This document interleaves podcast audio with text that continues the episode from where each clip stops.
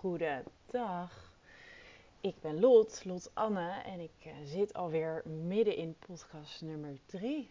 En ik ga um, weer even inzoomen op een klein onderdeel van loskomen van narcisme, zoals altijd. Um, ik zit hier weer, wederom, net als podcast nummer 1, op mijn kussen te mediteren. En ik ben helemaal uh, zen en klaar met mijn meditatie. Meestal duurt het drie kwartier voordat ik genoeg heb. Maar soms heb ik echt na vijf minuten dat ik denk: oké, let's go. Ik wil aan de slag, ik wil werken. Um, maar ja, too much information waarschijnlijk. Maar ik heb nog steeds mijn koffie en mijn citroenwater voor me staan. En ik dacht: uh, ik blijf nog even zitten op mijn meditatiekussen. En ik, uh, er popte een thema in mijn hoofd op. En die zou ik, zou ik graag even uit willen wijden. En het thema is actie. Actie ondernemen. Wij mensen, vrouwen misschien nog wel meer, maar ik zal niet uh, seksistisch zijn hier. Misschien mannen hebben hier net zoveel uh, last van. Echter weten wij hier, dan weet ik daar dan misschien wat minder van. Maar um, nou ja, vooral de vrouwen die ik help, die ken ik natuurlijk het best. Ik ken mezelf ook het best. Die kunnen heel lang blijven nadenken over dingen, kunnen wikken en wegen. Überhaupt over heel veel dingen in het leven. Maar met name op het relatiestuk, op vriendschappen, op liefdesrelaties, misschien ook wel collega-relaties. Dat stuk op het sociale, menselijke stuk. Wat heb ik gezegd? Wat heb ik gedaan? Wat vinden mensen van mij? Hoe analyseer ik deze situatie? Wat moet ik hiermee? Wat zou de volgende actie moeten zijn? Dit zijn allemaal in principe valide gedachten. Echter, ze kunnen ook een soort van uh, dysfunctioneel worden als ze ervoor zorgen, als dat deze gedachten er niet voor zorgen dat jij in actie komt. Ze kunnen zelfs bijna, of laat het bijna maar weg, ze kunnen zelfs verslavend zijn. Het twijfelen, het nadenken, het ruminating noemen ze dat in het Engels in een mooi woord kan heel lang duren en het kan bijna een doel op zich worden. En dat is gevaarlijk, want als nadenken een doel op zich wordt, dan um, is de actie er niet. Want als je nadenkt, dan onderneem je vaak geen actie. En als je actie onderneemt, dan stop je met nadenken en ga je in de actiemodus. En ik kan je vertellen, de actiemodus die levert vaak het meeste op. Soms is een actie, welke van de twee, als je bijvoorbeeld twee opties hebt, soms is een actie namelijk, welke van de twee je ook doet, beter dan geen actie. Want je gaat in ieder geval vooruit. Je gaat in ieder geval leren. Um, weet je, laat ik een voorbeeld nemen. Ik zit nu te twijfelen tussen twee coaches. Ik zit al heel lang te twijfelen tussen twee coaches. En ik ben allemaal lijstjes in mijn hoofd aan het maken. Welke coach is beter? Wat heeft die coach bereikt? Wat heeft de andere coach bereikt? Hoe is uh, haar klantenbestand? Of hoe uh, gaat zij met haar klanten om? Uh, heeft zij een leuk leven? Wat zijn haar normen en waarden? nou, je, ziet dus al dat ik tussen twee vrouwelijke coaches aan het twijfelen ben. Um, wat is haar stijl? Wat denk ik persoonlijk van haar te kunnen leren? Denk ik dat ik een klik heb met haar?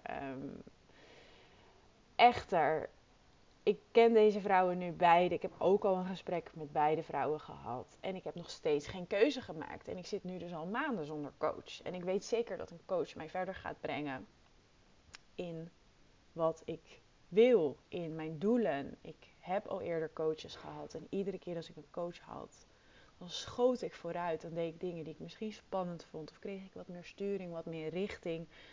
Um, had ik meer vertrouwen in mezelf. Um, iemand kon me door bepaalde blokkades of door bepaalde zelfsabotage heen helpen. En dan ging ik gewoon veel harder in mezelf, mijn eigen persoonlijke groei en ook in mijn bedrijf. Want die twee dingen zitten echt hand in hand met elkaar verwoven.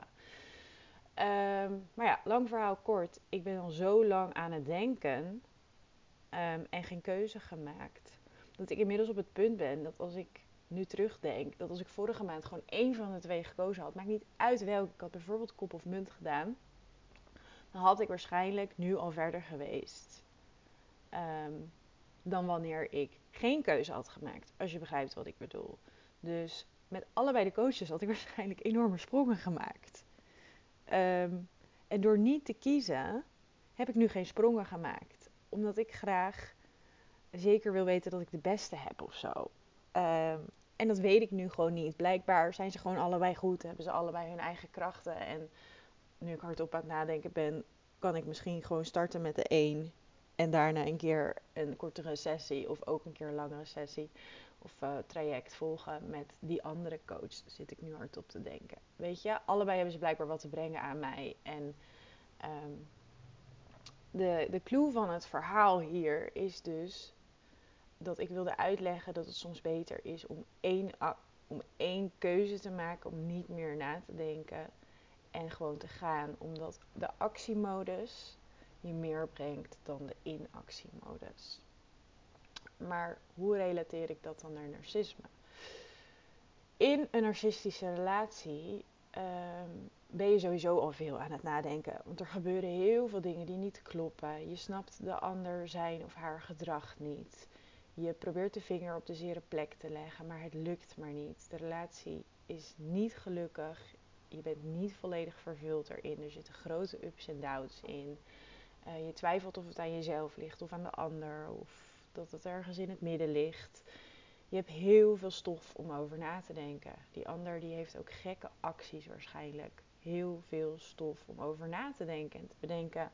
Wat gaat hier mis? Wat kan ik misschien nog doen binnen de relatie om, of aan mezelf veranderen om de harmonie te, uh, terug te brengen? Uh, misschien heb je kinderen samen met de narcist. Daar kan enorm veel denkwerk in gaan zitten. Misschien als je zelfs al aan het twijfelen bent om misschien weg te gaan bij de narcist. Wat betekent het dan voor de kinderen?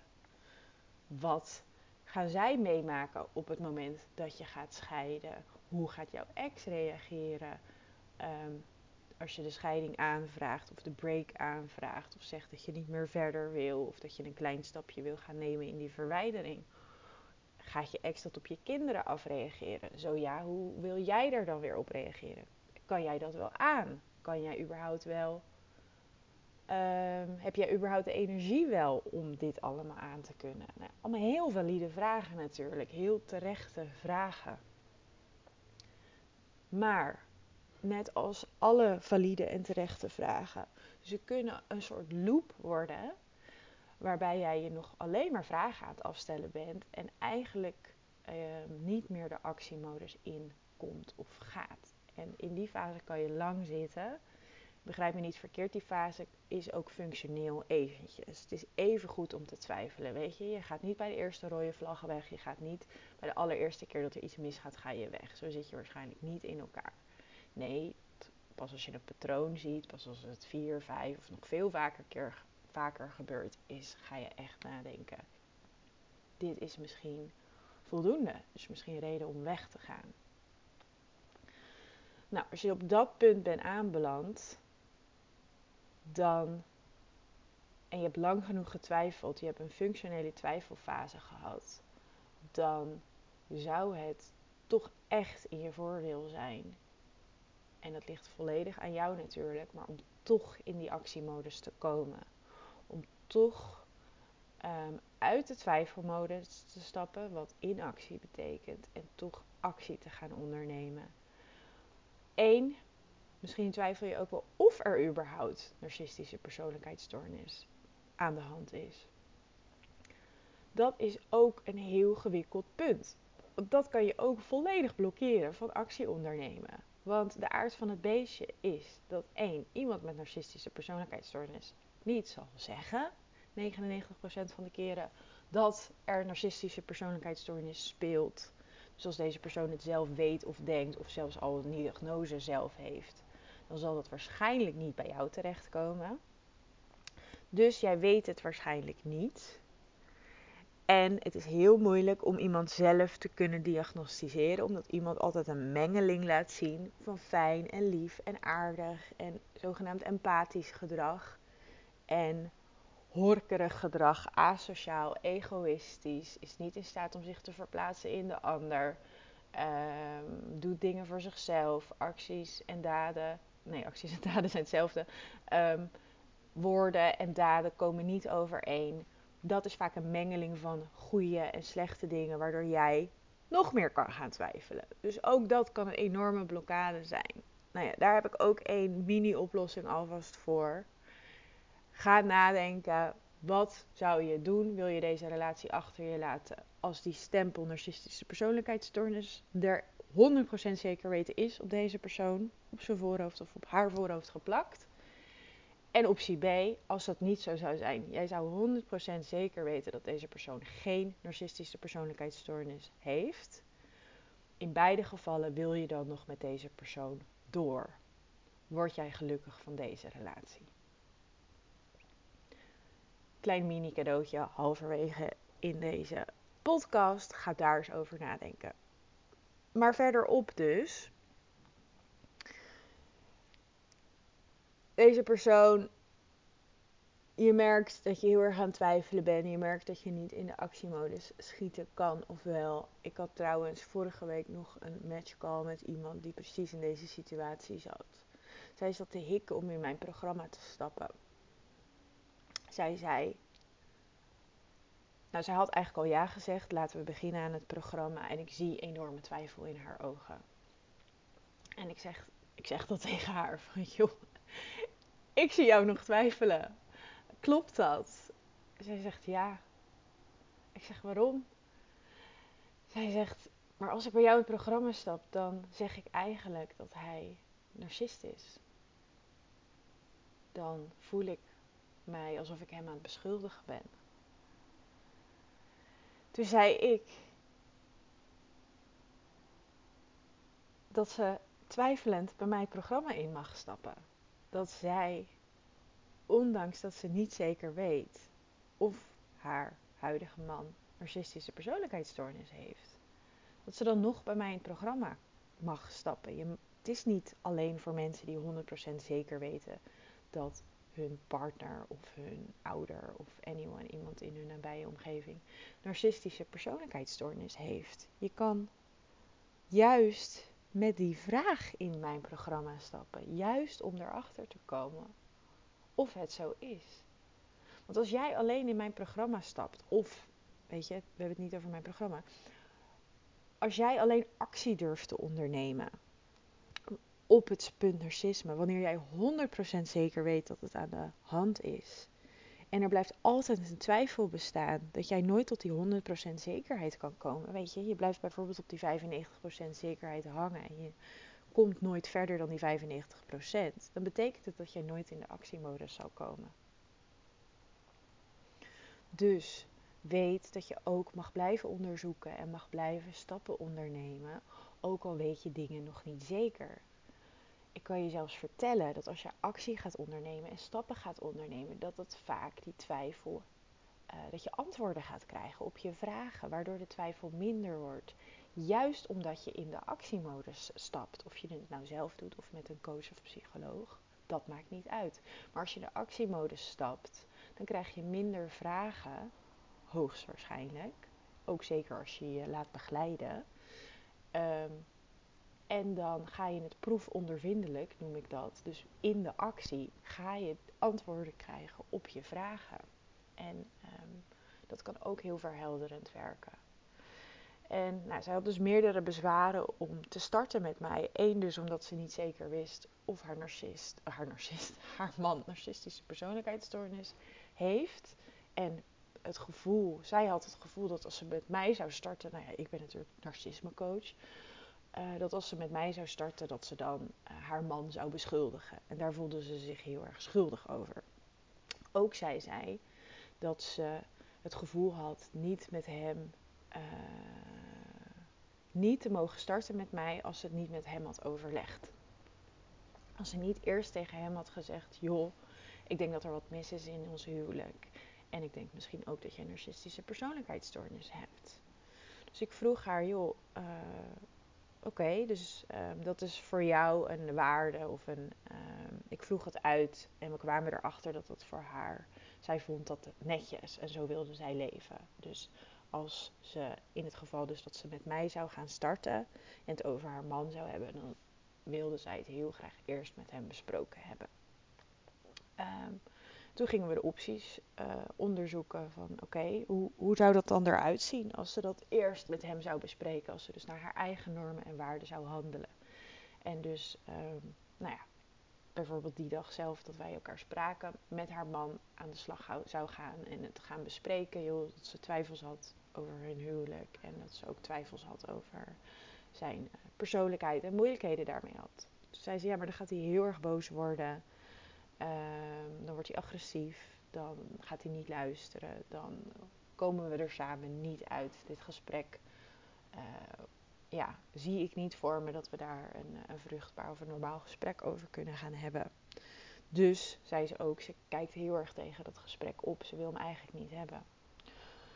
Dus toen koppelde ik naar haar terug dat doordat zij de regel had voor zichzelf eerst het met die persoon zelf te willen bespreken voordat je extern hulp gaat zoeken. Wat een hele, weet je, ik sta, en het maakt natuurlijk helemaal niet uit wat mijn mening is, maar ik snap die gedachte. Ik snap dat je het eerst één op één met die persoon wil bespreken voordat je uh, actie gaat ondernemen, wat toch buiten jullie relatie is.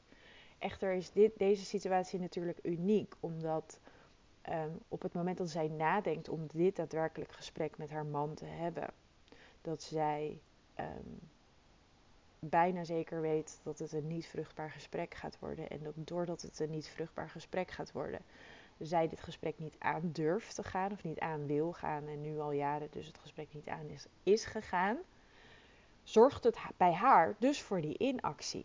Zij zit in een soort ja, impasse bijna wel. Weet je, ze zit gewoon stak in de middel. Want jouw normen en waarden en jouw regels voor het leven vertellen jou eerst bespreken het met de persoon in kwestie voordat je hulp gaat zoeken. Alleen die persoon in kwestie die doet zo moeilijk wanneer het gesprek gestart gaat worden.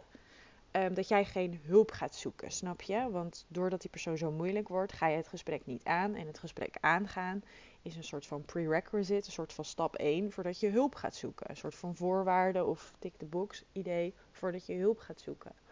Dus deze twee gegevens, het feit dat zij eerst het gesprek aan wil gaan voordat ze hulp zoekt, maar het gesprek aangaan kan niet door de te verwachten negatieve reactie van haar man, zit zij in een impasse. Dan heb ik ook teruggekoppeld aan haar dat um, haar man er eigenlijk nu dus ook voor zorgt, als je hem heel erg uitzoomt, hè. Haar man zorgt er nu eigenlijk voor dat ze geen hulp gaat zoeken. Want haar man heeft haar getraind dat hij heel boos wordt op het moment dat zij dingen aan gaat kaarten die zij niet fijn vindt aan de relatie of aan hem. Zij heeft haar zo, hij heeft haar zo getraind dat ze dat nooit zal bespreken. En zij heeft de regel voor zichzelf dat ze dan niet extern hulp kan gaan zoeken. Dus nou, dat heb ik teruggekoppeld aan haar ook. En, en die, die voelde ze en die zag ze en die snapte ze. En um, uh, ja, dat was dus een heel mooi gesprek eigenlijk. En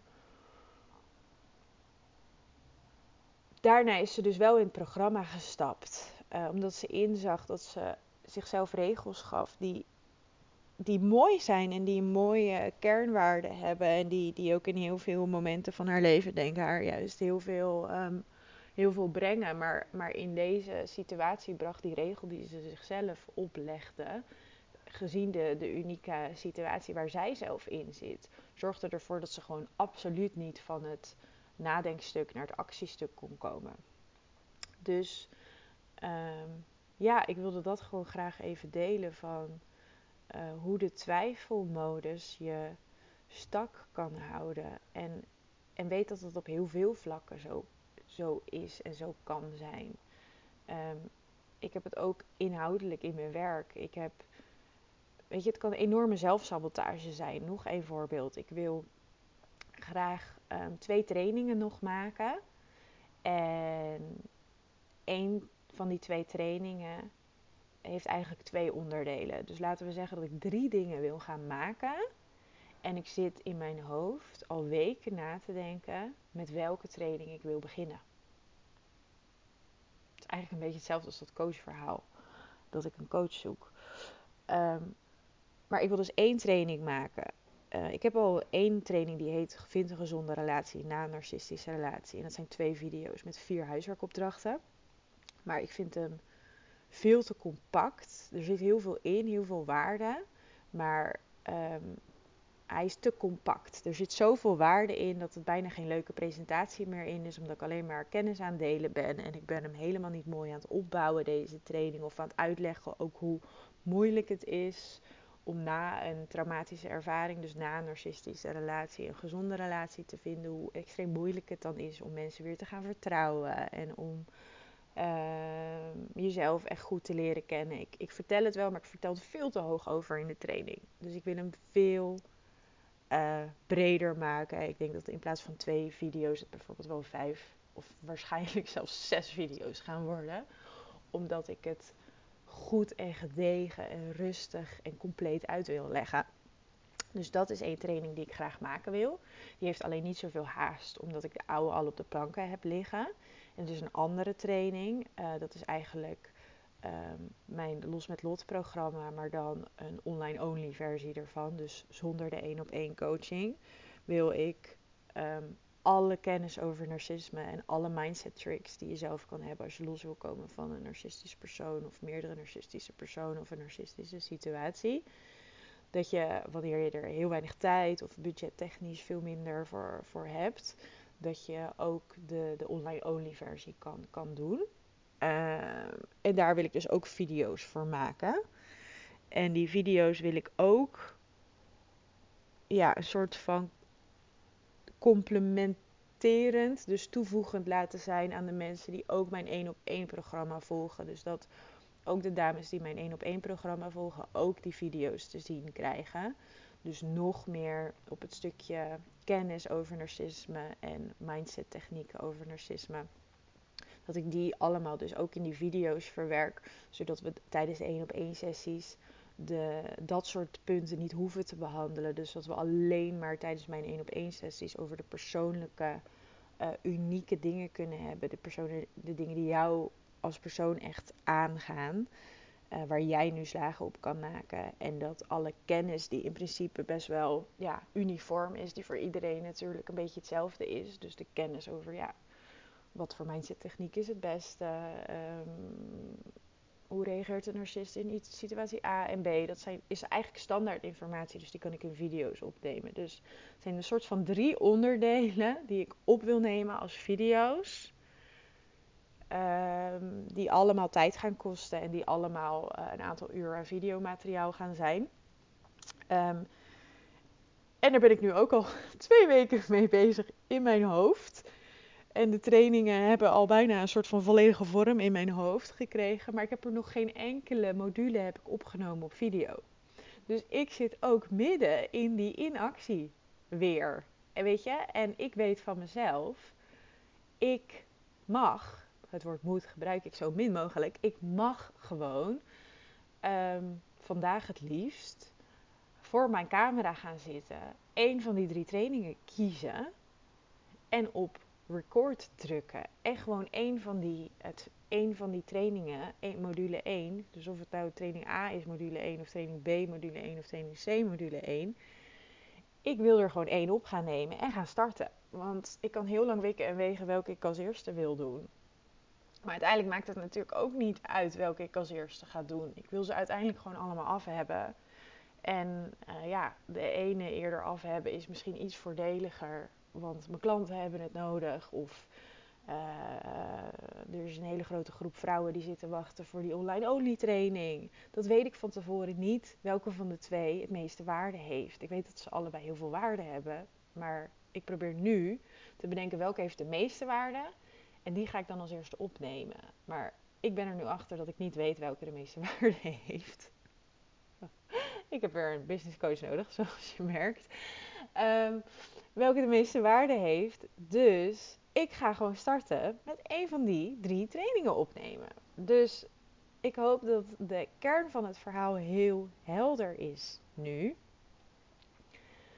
Soms is het gewoon het handigst om in actiemodus te gaan. En nadenken en twijfelen en lijstjes maken kunnen zeker wel functioneel zijn. Begrijp me niet verkeerd.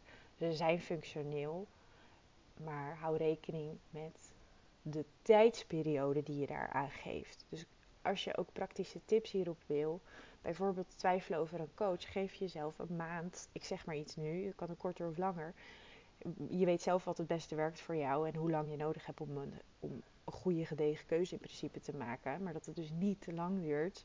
Geef jezelf bijvoorbeeld een maand om te twijfelen over een coach.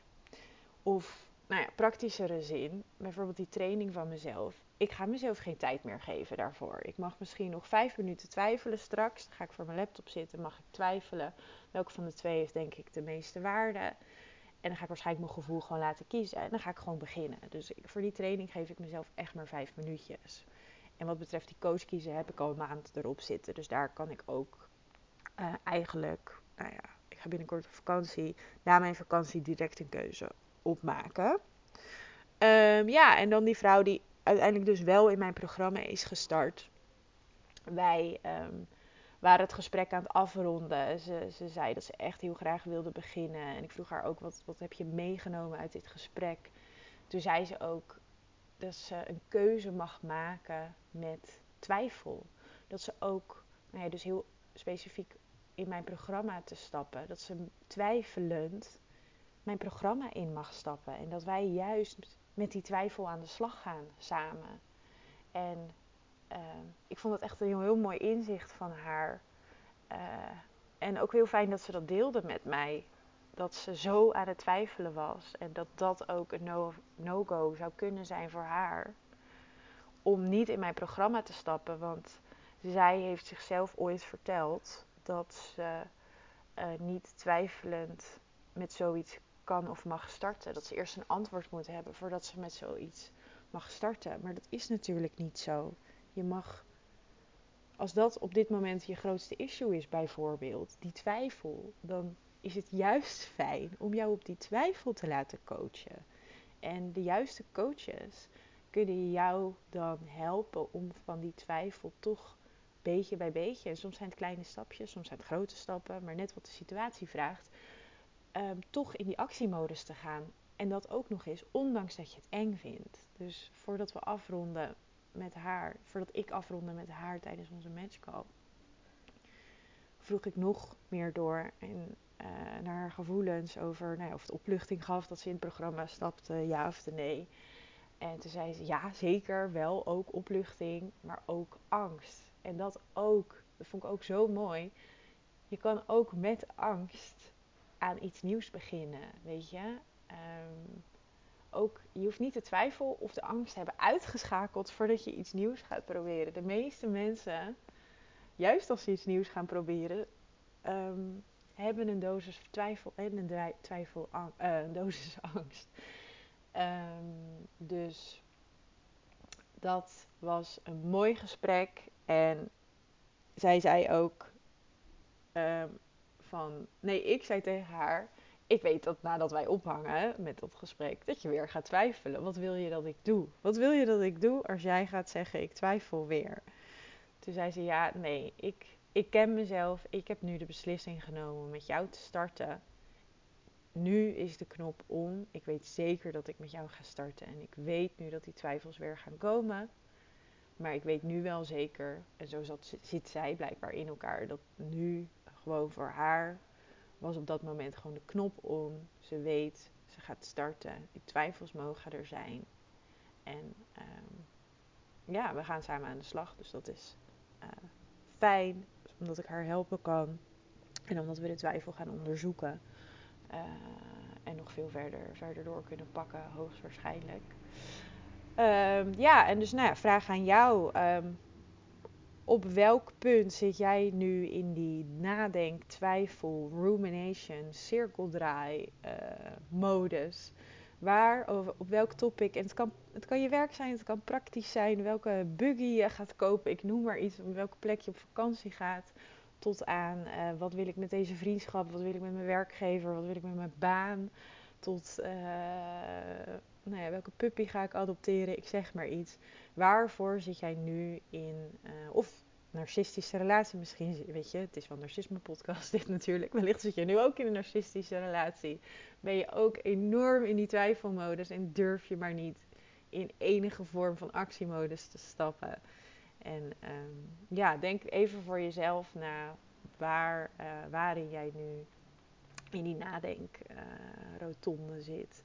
En uh, waarom je dus geen enkele afslag durft te nemen nu.